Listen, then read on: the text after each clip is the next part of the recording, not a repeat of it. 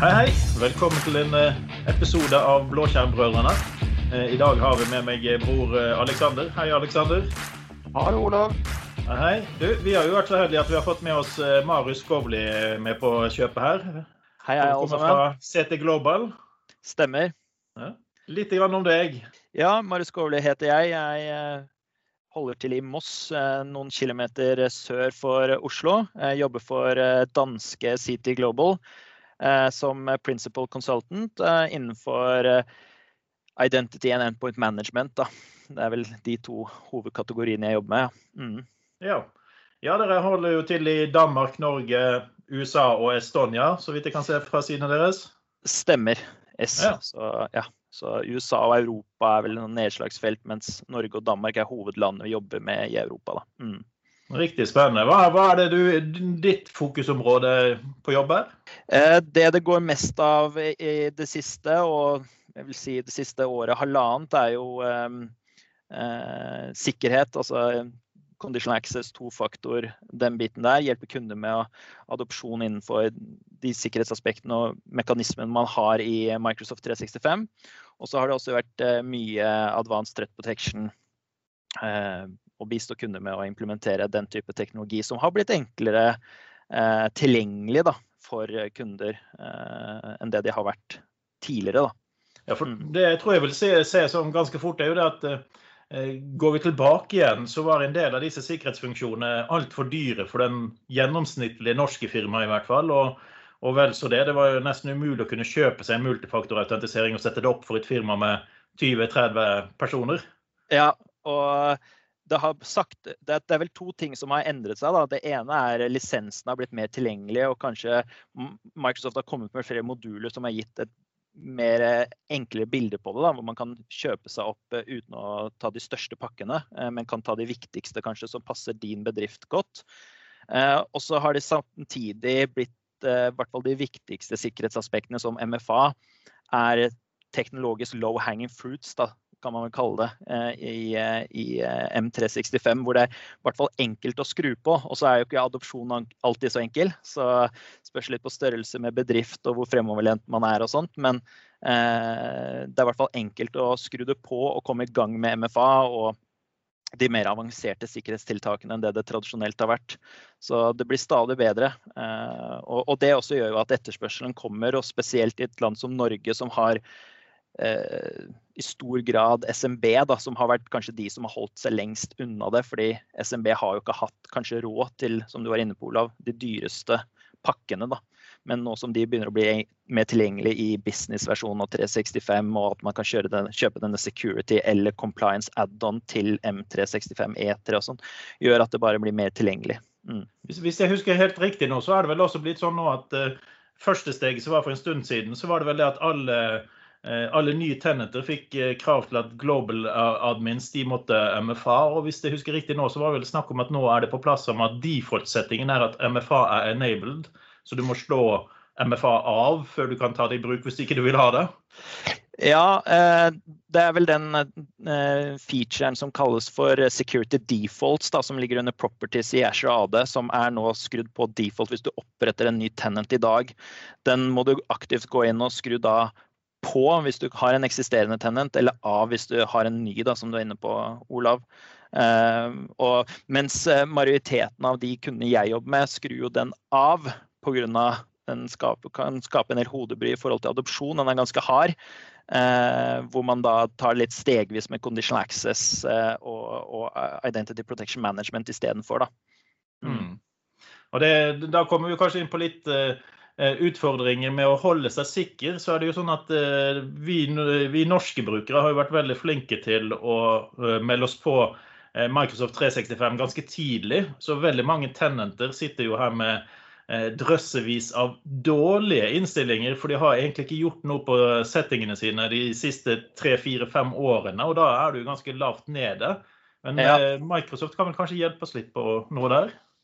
Ja, De har to ulike steder du kan egentlig se. Det er veldig bra du tar opp, for jeg tror dette her er en, en sånn hidden gem som mange kan uh, bruke aktivt da, for å navigere i sikkerhetslandskapet og ha liksom en sånn derre uh, rettesnor for hvordan du skal gå og hva du bør prioritere. Da. For det er jo det som er vanskelig, og spesielt hvis vi skal da snakke om SMB som kanskje ikke har en SOC-enhet eller, eh, eller, eller, fagpersoner som jobber med, dedikert med sikkerhet.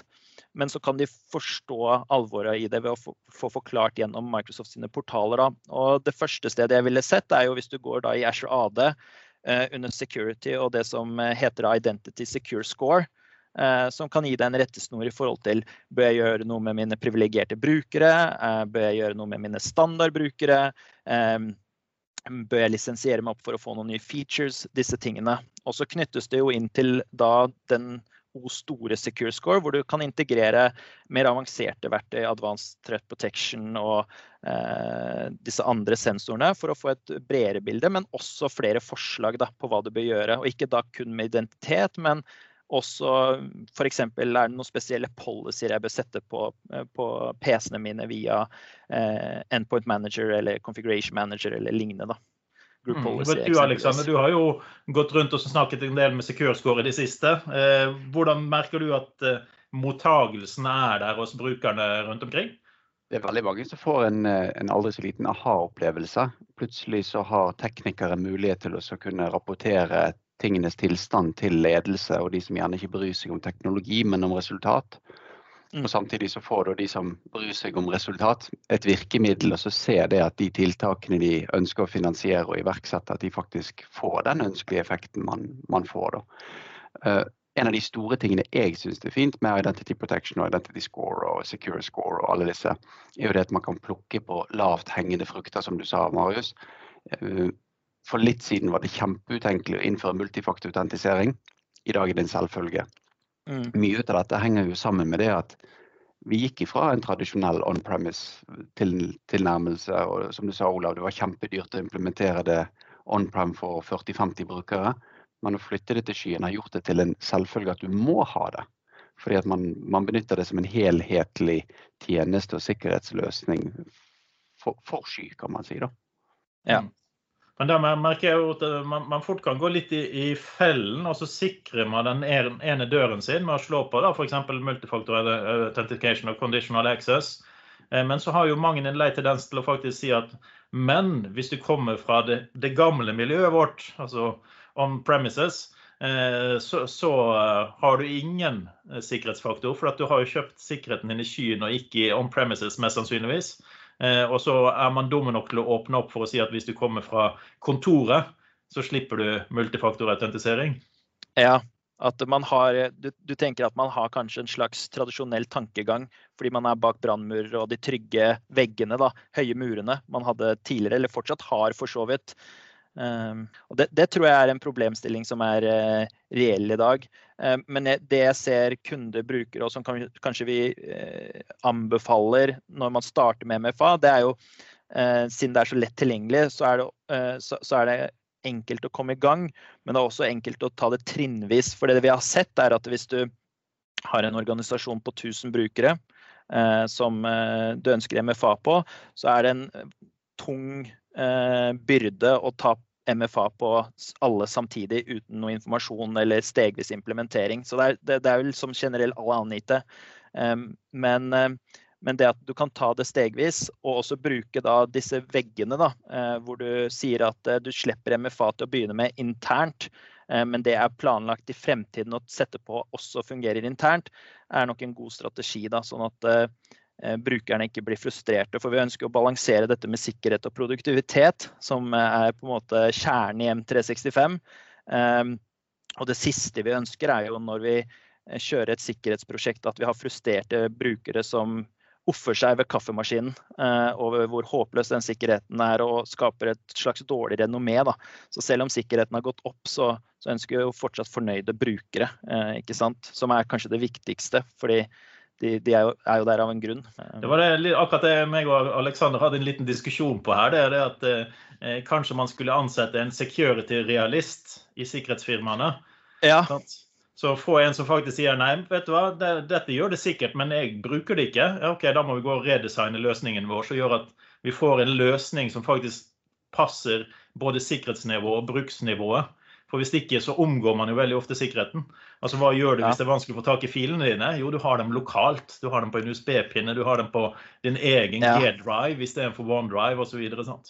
Ja, og, og, og der begynner man å virkelig surre seg ut uh, i, en, i en jungel. ikke sant? Fordi det, det er selvfølgelig klart at du kan begynne med tiltak for det igjen, men etter hvert så blir jo dette sikkerhetsregimet du innfører i kanskje en liten bedrift så ekstremt at uh, til slutt så har du rotet deg bort, og så får du ikke til noe, og så finner du ikke igjen i de gamle innstillingene, og så har du det gående, da.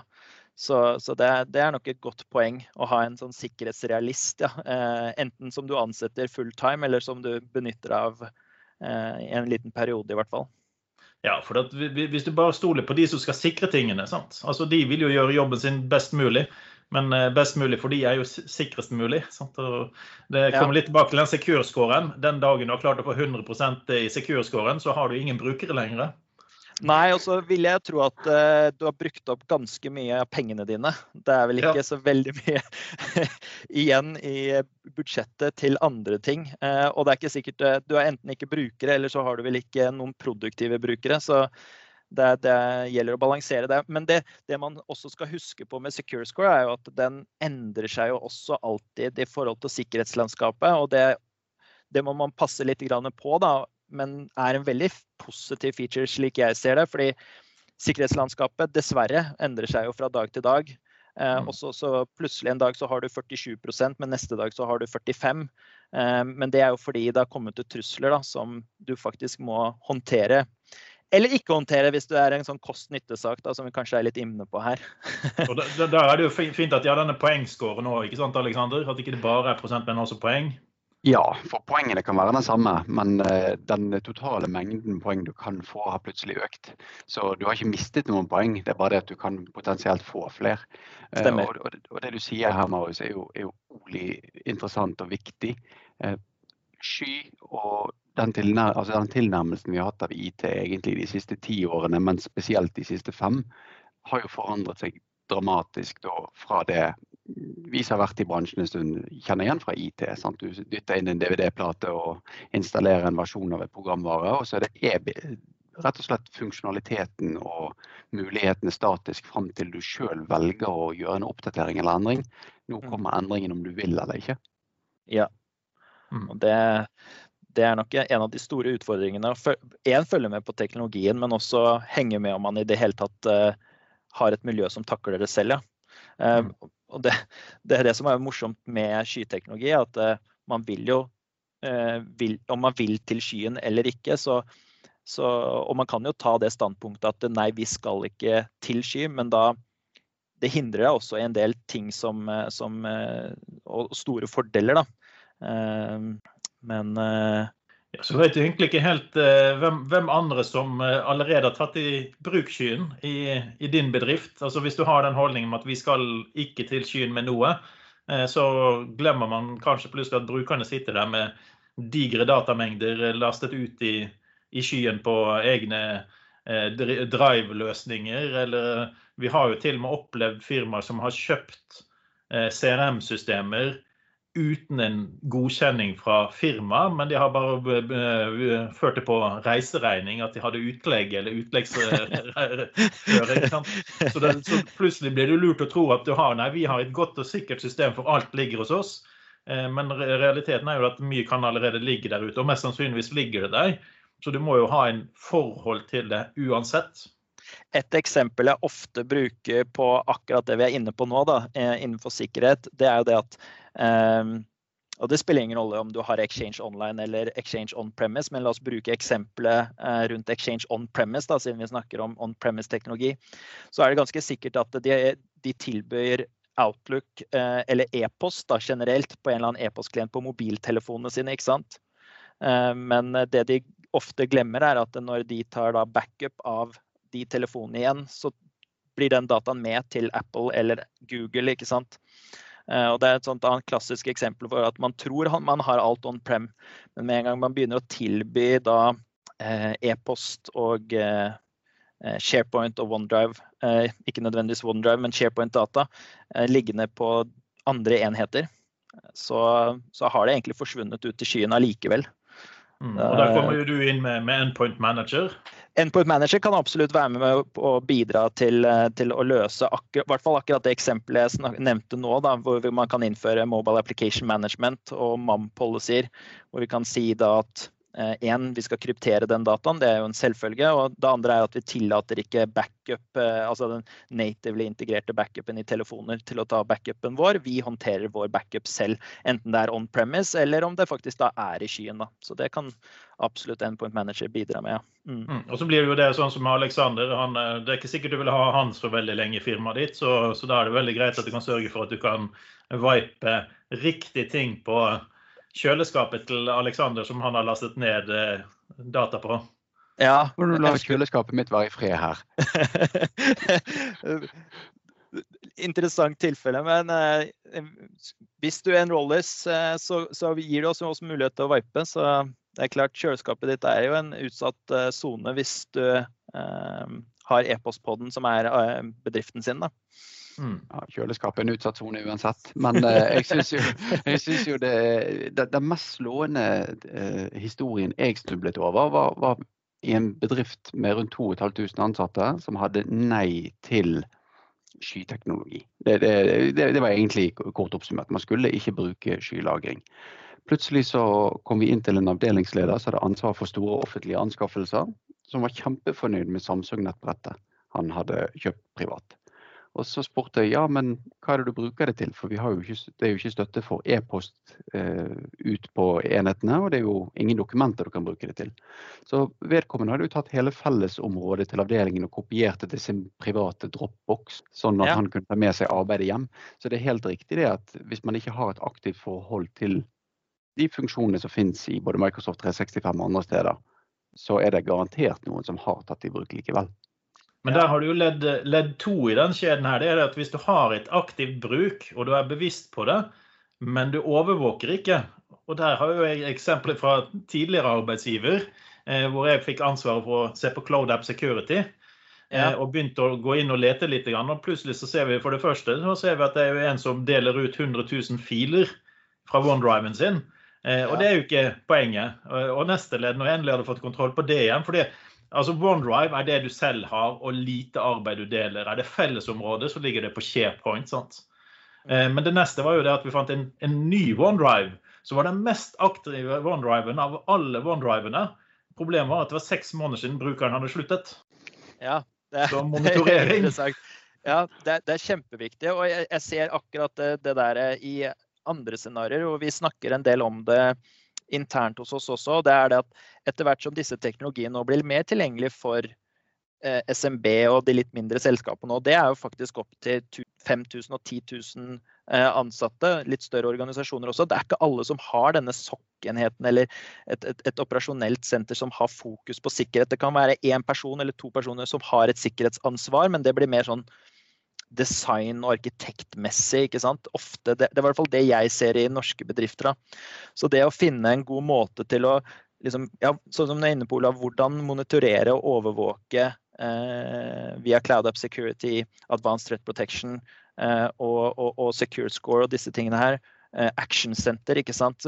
hvordan utføre de operasjonelle, det operasjonelle daglige virket. Da. Det tror jeg er en, eh, er en utfordring for kanskje neste generasjon. Nå er liksom Én er å onboarde sky, og så er neste å ta i bruk eh, sikkerhetsmekanismen som er der, og så blir neste da igjen monitoreringen. da. Mm. Og Der kommer du inn på ganske gode eh, verktøy som eksisterer. Vi har f.eks. Sentinel, som kan ligge på toppen av alle ATP-ene og all informasjon du henter inn. Som kan ja. gjøre at du automatiserer mye av den tyngste prosessen. Så Microsoft sine tall, og de sier at av Eh, gjennomsnittlig så får en, en gjennomsnittsbedrift 1000 incident eh, for dagen. Ja. Eh, og hvordan kan de få skalert det ned til håndterbart? For et, et firma kan ikke håndtere 1000 incidents, det sier seg selv. Men når de begynte å bruke ATP-ene for å få sammenhengen av hvor mange incidenter er egentlig en hendelse, ja. eh, så klarte du å for det første du kunne fjerne mye som var overflødig. Så kunne du samle det som var felles, og så kunne du sitte igjen da med en, med en håndfull incidenter eller hendelser istedenfor incidenter. Så fikk du hendelser som eh, hjalp deg. Så, så, verktøyene ligger jo i kassen. Det, og det er bare å ta det i bruk, ja. Så, mm. Men, men, men det, jeg, tror det er, jeg tror det er to utfordringer der. Det ene er å vite om verktøyene, som vi var litt, litt inne på. At det, det, faktisk er til stede. Men der tenker jeg at eh, hvis det er et scenario du klarer å tenke deg til, så er det en stor sannsynlighet for at Microsoft eller Microsoft sine partnere har klart det også. At de har en eller annen løsning på det. Om det ikke er en bryter i Asher-portalen eller i M365, så er det i hvert fall en KB-artikkel eller et eller annet som kan fortelle deg om det scenarioet. Mest mm. sannsynlig. Eh, om ikke 100% sjanse, så ganske stor. Og så er det jo neste da at eh, det, så er neste utfordring da å selvfølgelig ta i bruk teknologien, men det har jo blitt mye enklere. Og vi har jo vært inne på da Endpoint Manager som eh, eh og Asher AD og disse tingene. Alt er jo integrert med hverandre. sånn at det er ikke sånn at du skal installere noe programvare. Det er jo egentlig bare brytere som skal eh, i en riktig rekkefølge kanskje settes på og skrus på. Og du bør gjøre det kontrollert og i en rytme hvor du har eh en, fa en, fasebasert skalering, da, ikke sant, osv. Da sirkler vi jo fort tilbake til faktisk Secure-scoren vår. For vi har ja. jo ATP-ene de kan jo automatisere mye, men det er ikke nødvendigvis alt er slått på. Eh, og du har både recommendation i Asher og du har secure score, eh, som gjør at du faktisk Ja, vi satt på ATP-ene for for to år siden eller ett år siden, men vi har kanskje ikke tunet dem riktig. og Da er det ganske stor sjanse for at noe vil oppstå i secure-scoren din, som igjen har en link til en guide, hvis ikke guiden står der, hvordan du slår det på hva du skal gjøre. sånt. Og der får du faktisk eh, De er veldig gode, de guidene. Sånn at du, ser du har en utfordring, klikk på den, og så står det nøyaktig hvordan du skal utføre eller remediere utfordringen da, i, eh, i Endpoint eh, Manager. Men du også får da, hvis du har et on-premise-miljø og ikke benytter deg av Intune, så vil du få guide til hvordan du gjør det i Configuration Manager eller verst tenkelig scenario Group Policy. da. Ja, ja. en ting som du nevnte, var jo det at dette er gjerne noe Microsoft har, har tenkt på eller noen har lagd en KB-artikkel på dette. Hvis du mot formodning finner noe som ikke er tenkt på, så finnes ja. det et program. Og det heter Windows Insider-programmet. Og det finnes yes. også Windows Insider for Business. Så enten du finner uh, noen funksjoner i Windows, Office eller i nettleseren Edge og Edge Chromium, så finnes det egne insider-program som gjør at du kan teste ut ny funksjonalitet som er i ferd med å komme. Og hvis du mot formodning da finner funksjoner du ønsker å reversere eller forbedre. Eh, det er jo veldig mange ting de har gjort forandringer på. Sånn som f.eks. En, en utrolig liten detalj. Hvis du går inn i Excel eller PowerPoint, så ser du den søkefunksjonen helt oppe i, i Word og, og, Excel. Den har de gjort forandringer på basert på tilbakemeldinger her. Da. Så det å gå inn i feedback-huben til Microsoft og gi tilbakemeldinger på hvordan teknologien fungerer og ikke fungerer, og tilsvarende måter i Ashore-portal og M365-portal og gi de tilbakemeldinger hvis du oppdager noe som du føler mangler, så tar de dette til etterretning og, og er med på å ta dette med videre i veikartet sitt videre. Da. Ja, og det, det er vel eh, noe vi også kan skrive under på i forhold til å være MEP-er, er jo det at eh, de ser de tilbakemeldingene der også, og gjør faktisk noe med det. Det er ikke sånn at man submitter noe til et svart hull. Det er i hvert fall noe jeg føler da, når jeg kommer med en tilbakemelding kanskje på User Voice eller det er at det, plutselig så går det en måned eller to, og så hører de at de har tatt tak i det på en eller annen måte. Da. Eh, så det, det, det, er vel verdt eh, de fem til ti minuttene man investerer i å gi en sånn tilbakemelding hvis det er noe som irriterer deg eller du ønsker forandre. da. Og ofte så kan det faktisk bare være det å gå inn på User Voice og lese litt på hva som ligger der, så finner du mange ting. Å ja, det der irriterer meg òg. La oss oppvote det, for du kan jo stemme ting opp som du selv ikke har submittet så kan du faktisk si at ja, men det der var jo en kjempegod idé, det har irritert meg lenge, men jeg har ikke tenkt over det. La oss stemme på det, så kan faktisk funksjonen komme. Så user voice er viktig. Ja, det er det. Og det Absolutt. blir tatt hensyn til, ikke minst hvis det får litt upvotes. Og det er, det er vel ikke mange teknologier Microsoft har da, i hvert fall med det som er knyttet til sky eh, på en eller annen måte, som ikke man kan gi feedback på i dag. Det er vel omtrent i hvert fall det jeg jobber med til det vanlige, så kan jeg på en eller annen måte ha en kanal da, hvor jeg kan gi feedback. Eh, så, så det er en, noe man absolutt burde bruke. Og Godt poeng, Aleksander. Ja, Mm. Det er vel kun de produktene Microsoft ikke vil at du skal vite at fins. Du ikke kan Ja. på. De som snart ser en gravstein, eh, men man ikke har noe offisielt ennå. Ja, jeg har lenge prøvd å gi forbedringspotensial og forslag på Klippi, men eh, det ser ut som at den ikke kommer noen vei. What? Stakkars Klippi. Ja, Så han, han har bare trukket, trukket, trukket seg litt tilbake for å regruppere. Han kommer snart tilbake på en ny måte. ja, jeg satser på det. Jeg satser han kommer tilbake som mye større og sterkere binders i framtiden. Mm. Men så, sånn eh, sluttbrukermessig eh, så kan jo Endpoint Manager eh, også hjelpe oss på, på det med, med f.eks. ytelser. altså Fange opp litt av sluttbrukerproblemene før brukerne gir beskjed. Altså for det, det, vi har, det vi har lært, er at noen brukere de kommer øyeblikkelig og sier at jeg er misfornøyd med dette her. Eh, Andre brukere igjen de er litt treige, og noen brukere igjen sier aldri fra. De bare lever med verdens treigeste bottid på maskinen sin og, og den typen Ja. ting. Så, så, så hva, hva kan vi gjøre egentlig for å ta litt tak i dette i forkant? Ja, der kom jo Microsoft, det var vel på Ignite at en, en ny feature-brain er eh, lansert, eh, altså Endpoint eh, Analytics, eh, som ligger i, under reporting, vel, i, i Mem-konsollen, eller Endpoint Manager-konsollet. Eh, Endpoint.microsoft.com for øvrig, eh, hvis det er noen som lytter som ikke vet hvor det er.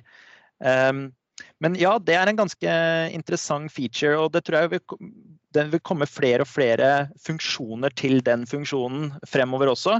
Eh, Men der kan vi få innsikt i kanskje sånn sluttbrukerutfordringer som vi ser. Altså eh, brukere som har lang påloggingstid eller oppstartstid eh, og lignende. Og også få forslag til hvordan vi kan remediere det. Eh, og med det også så har man jo fått eh, muligheten på samme måte som man har i Configuration Manager, så har man jo det som heter Configuration Items og Baselines. Eh, hvor man kan, eh, eller også run scripts for den saks skyld.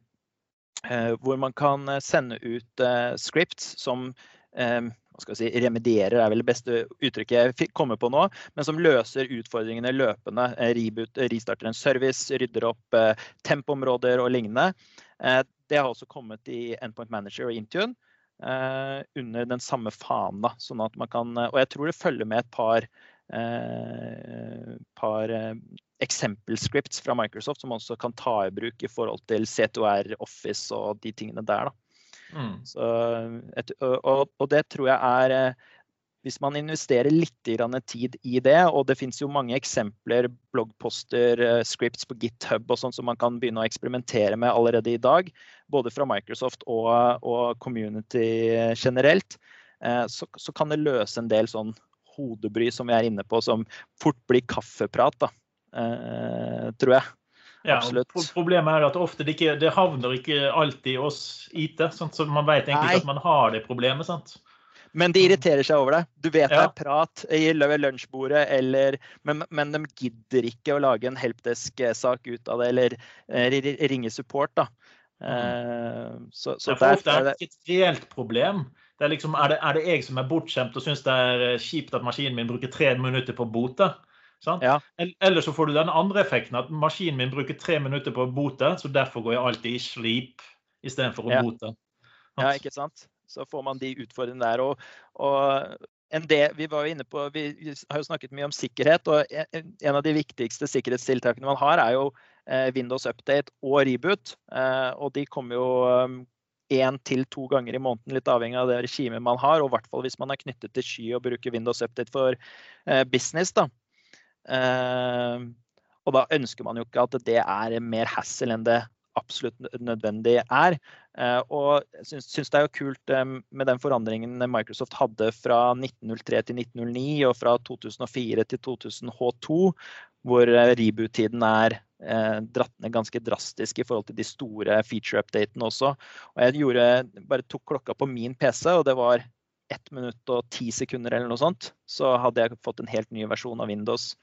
Så få den innsikten med Endpoint Analytics til de utfordringene du kanskje har, det kan, eh, kan være med å bidra til et mye bedre brukermiljø generelt.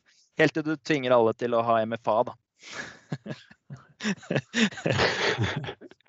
Ja, det, det, er jo veldig små ting som skal til for å forbedre brukeropplevelsen og redusere tiden. Windows Hello gjør jo det at folk bruker Windows L for å låse maskinen når går bort fra den, for det tar kort tid å logge på. Det er veldig brukervennlig å logge på. Um, det er også ha alle disse små verktøyene som oppdaterer seg selv. F.eks. Uh, en, en ting som gjerne ikke alle er klar over, er jo det at gå inn og gjør en assessment hos brukerne dine, så vil du se at de aller fleste har Spotify installert. Ta heller og dytt den via Microsoft Storen. Ja. For da slipper brukeren å få den prompten hele tiden om å måtte oppdatere. Denne applikasjonen blir oppdatert i bakkant fra Microsoft Storen. Så det å gjøre alle disse små hygienetingene for å utvide og forbedre brukeropplevelsen, og ikke sørge for at de hele tiden blir irritert over å, jeg skulle ønske jeg var lokaladministrator sånn at jeg fikk oppdatert alle disse varslene som kommer hele tiden, sånn som man hører rundt kaffepraten. Så ja. har man heller også fjerna problemet. Jeg hadde en ganske kul eh, Jeg satt og lekte meg litt her forleden. Eh, sånn som jeg ofte gjør. Eh, og, og da, da, fant jeg ut at nå skal jeg teste ut hvor langt har passwordless kommet. Eh, så jeg satte opp en helt ny maskin. Jeg slo på passwordless for min testbruker. Og hadde satt opp Authenticator-appen. Og så satte jeg i gang en ny installasjon av Windows på en PC. Og når den kom da opp til at du skulle logge deg på, så kunne du trykke i det du skrev inn domenet, altså brukeren din og domenet ditt, så kom valget passwordless opp. Så trykket mm. jeg på passwordless. Eh, og eh, fikk da en melding på Authenticator hvor jeg måtte velge et tall, sånn som tilsvarende når du har Outlook eh, og passwordless der. Og så tenkte jeg at ja, ja, men dette er jo vel og greit, men jeg må jo angi passordet mitt når jeg skal logge meg på.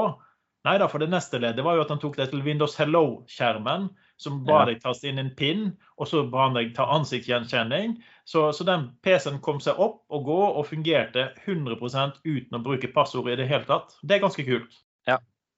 Det er, eh, det er, spennende å se hvor langt vi har kommet. Men for å skyte tilbake et spørsmål da, hvor tro, eh, tror du organisasjoner i Norge generelt er liksom klare for den delen? For det vi ser, eh, det jeg ser mye av, er at jeg tror ikke det er mye motvillighet i forhold til tofaktor, men det er mange som har en sånn slags uh, ah, det var mye enklere før mentalitet. Da.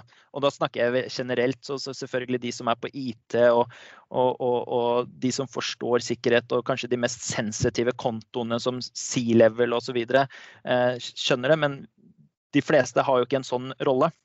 Nei, men det er der det kommer inn og fint at vi begynner å faktisk nå trene dem opp med at de må bruke Authenticator-appen for å logge yes. seg på Office hver 14. dag, f.eks. Så må ja. du bruke Authenticator-appen. og Det er egentlig tilsvarende du vil gjøre på passwordless SSO. Du må bare reverifisere maskinen din f.eks. hver 14. dag, eller så bruker du bare PIN eller, eller ansiktet ditt. Ja. Så, så det, Du kan liksom bruke biometri og den typen ting. Men ja, jeg tror ikke det er helt modne ennå. Men alt, eh, alt i, i, IT føler jeg at mange snakker om eh, revolusjoner, men alt er evolusjoner.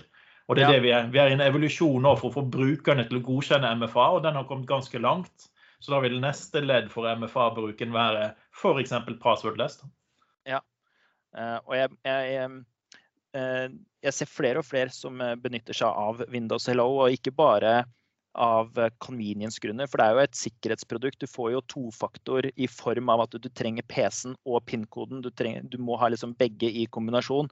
Eh, du kan ikke ta PIN-koden og gå på en annen maskin og bruke samme. Med mindre du har satt opp selvfølgelig Windows Hello med akkurat samme PIN på, akkurat, eh, på en annen PC. da. Så mm.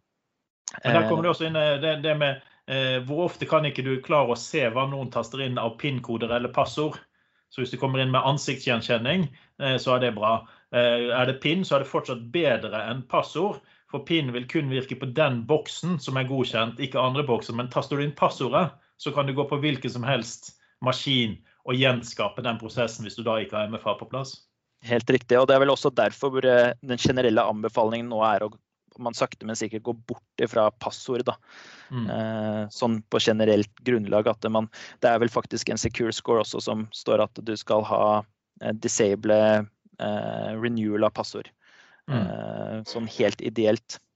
Men, det, det som gjør det veldig convenient, sånn som f.eks. Uh, istedenfor å stå på kjøleskapet og taste inn det lange passordet, for det er ingen som stikker av med kjøleskapet mitt. Skal aldri si aldri, har jeg lært. Jeg har sett litt på det, altså. Det må jeg si. det er derfor den, eh, det er derfor denne jekketralen står utenfor. Mm. Ganske, altså man, eh, du blir ganske jaw-dropped den dagen du kommer hjem og oppdager at kjøleskapet ditt faktisk er borte. Eh, etter den statementen her. Ja, altså det var bakdøren inn til eh, firmaet til eh, Alexander, det, sant? Men jeg, jeg tror tiden vår går fra, fra oss. Samtidig så hører det er noen som begynner å bore i veggene her. Så det er vel kanskje en naturlig måte å si at det har vært en fantastisk spennende samtale. Og jeg er ganske så sikker på at hvis du har lyst, så skal vi måtte fortsette den samtalen en annen gang, Marius. Jeg kommer gjerne tilbake. Det har vært eh, hyggelig. Og igjen, tusen takk for invitasjonen i dag, eh, dere. Ja, nei, Det var kjempekjekt. Vi liker å få folk som har noe fornuftig å snakke om, og brenner for litt av teknologien, sånn som du tydeligvis gjør. Ja, Ja, det, det kan jeg vel skrive ut på, ja. eh, så takk til deg, Marius. Det var en riktig god dag videre. Takk skal dere ha, dere.